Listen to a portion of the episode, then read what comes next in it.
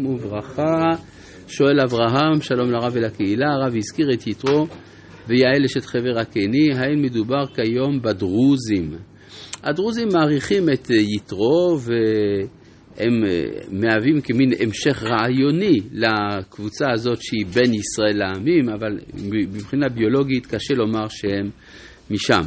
אם כן ניתן לראות שכנראה מקבלים אמונת הייחוד והאל, אך בדרכם שלהם, מכאן אין תמה שיתרו הלך לגייר בני עמו והוא הסמכות שלהם. כן, כלומר, יש הרעיון של קבוצה אמצעית בין ישראל לעמים תמיד קיים, ואפשר לומר שהדרוזים מהווים משהו מעין זה. כן, פרק י"ט של ספר שמות, פסוק א', ובחודש השלישי לצאת בני ישראל מארץ מצרים, ביום הזה באו מדבר סיני.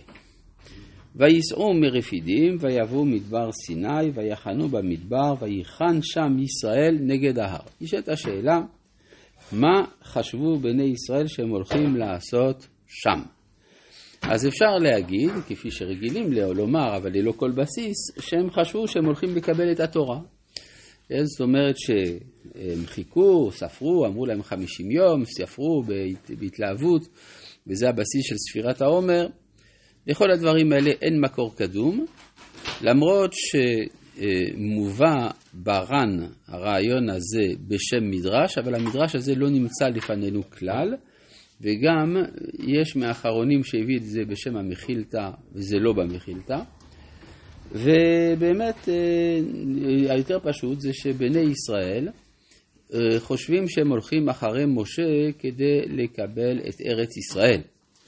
אז למה הם נעצרים בדרך? הם נעצרים בדרך כי אי אפשר ללכת כל הזמן, מטבע הדברים יש אה, מסעות, יש הליכה, ולכן הם מגיעים למדבר סיני מתוך מחשבה שהם ינוחו זמן מסוים ואחר כך ימשיכו הלאה. אלא שכאן יש דבר שמתרחש אה, בלי שמודעים לזה, לפני כן כתוב ויחנו במדבר, אחר כך וייחן שם ישראל. וחז"ל שמו לב למעבר מלשון רבים ללשון יחיד. זאת אומרת שיש כאן איזו אחדות שהתגלתה באומה שלפני כן לא הייתה, כתוב שבכל החניות האחרות הם היו רבים וכאן הם לא רבו, אז זה סימן שמשהו עומד להתרחש שהוא יותר גדול ממה שהם מצפים לו. אבל מה? בגלל שהם היו באחדות, אז ניתנה תורה בהר הזה? זה... או שהם באים להר וההר נותן להם אחדות, גם זה יכול להיות. כן, ומשה עלה אל האלוהים. מה זה ומשה עלה? היה צריך להיות כתוב ויעל משה. ומשה עלה זה לשון עבר מוקדם. זאת אומרת, בינתיים, בזמן שהם חונים, הם מסדרים את האוהלים וכל הדברים האלה, משה בינתיים עולה אל האלוהים. מה זה לעלות אל האלוהים? הכוונה להתנבא. כלומר, זה לא שהוא עלה פיזית לאיזשהו מקום, אלא הוא נשאר במקומו, ובמקומו הוא עלה אל האלוהים. איך אני יודע שזה לא עלייה פיזית? שאחר כך כתוב, ויקרא אליו השם מן ההר.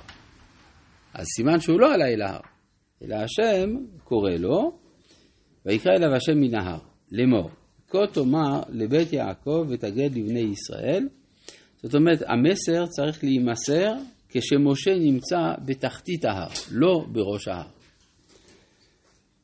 אתם ראיתם אשר עשיתי למצרים, ואשא אתכם על כנפי נשרים, ואביא אתכם אליי.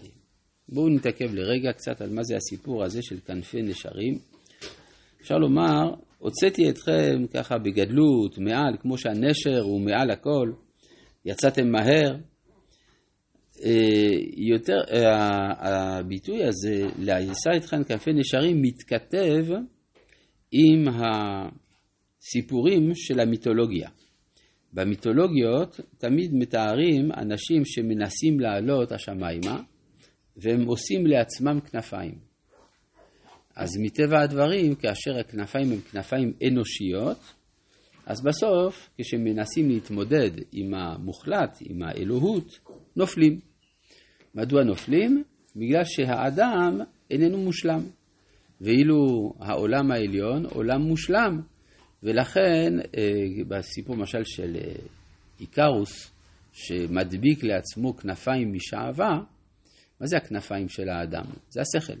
הוא משתמש בשכלו והוא מדביק באופן מלאכותי. ברור שכאשר הוא יתמודד עם המוחלט, כלומר השמש, השעווה תימס והוא נופל. אז בעצם אין תקווה לאדם לעלות השמיימה. אבל במקרה של, בסיפור של התורה זה הפוך. הקדוש ברוך הוא הוא זה שמספק את הכנפיים, הוא מעוניין להעלות את האדם.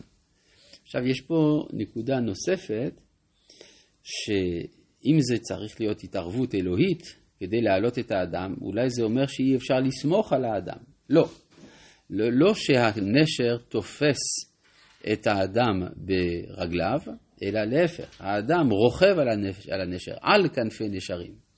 זאת אומרת שיש פה שותפות בין האדם לבין הבורא, וזה מסביר גם את הרקע של מתן תורה. זאת אומרת, אם הקדוש ברוך הוא מעוניין בשיתוף פעולה עם האדם, אז הוא ידבר עם האדם, הוא ימסור לו את רצונו וכדומה.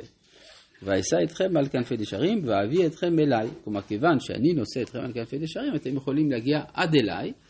לכן לא בכדי בקבלה הנשר מציין את התשובה. ספירת הבינה, שהיא הספירה של התשובה, היא קשורה לנשר. ועתה, אז מה הקדוש ברוך הוא מבקש במצב הזה? אם שמוע, אם לא במובן של תנאי, אלא, אלא הפצרה, כן? אם שמוע תשמע, בבקשה תשמע, כן? זה הפצרה.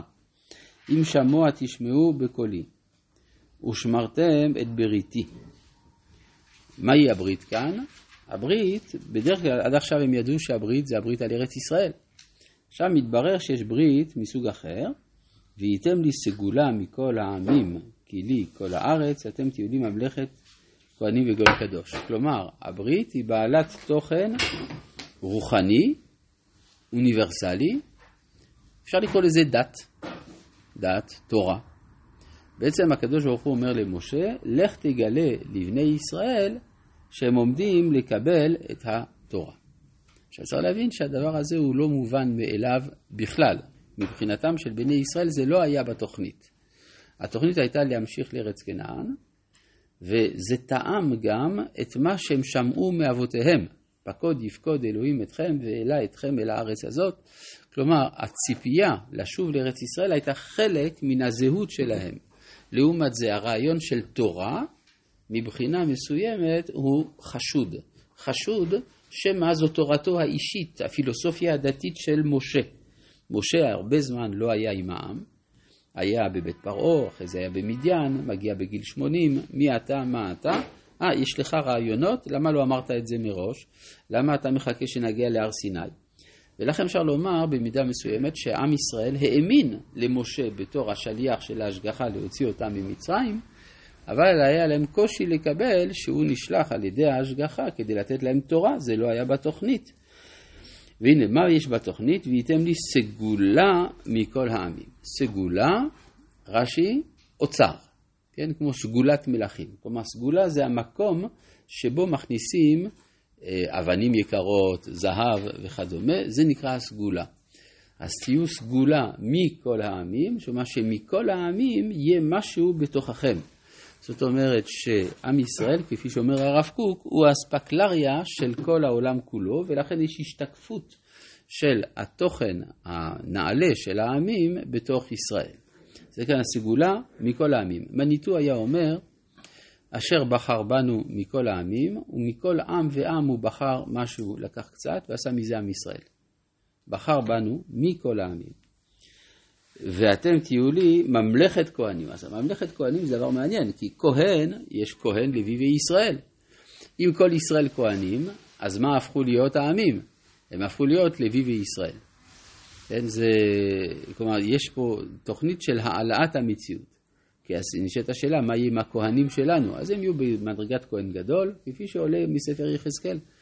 ומה יהיה עם הכהן הגדול עצמו? מה יהיה? מה אתה אומר? אה, סופרמן, אה, רעיון יפה. כן. ו... סופר כהן, כן. ו...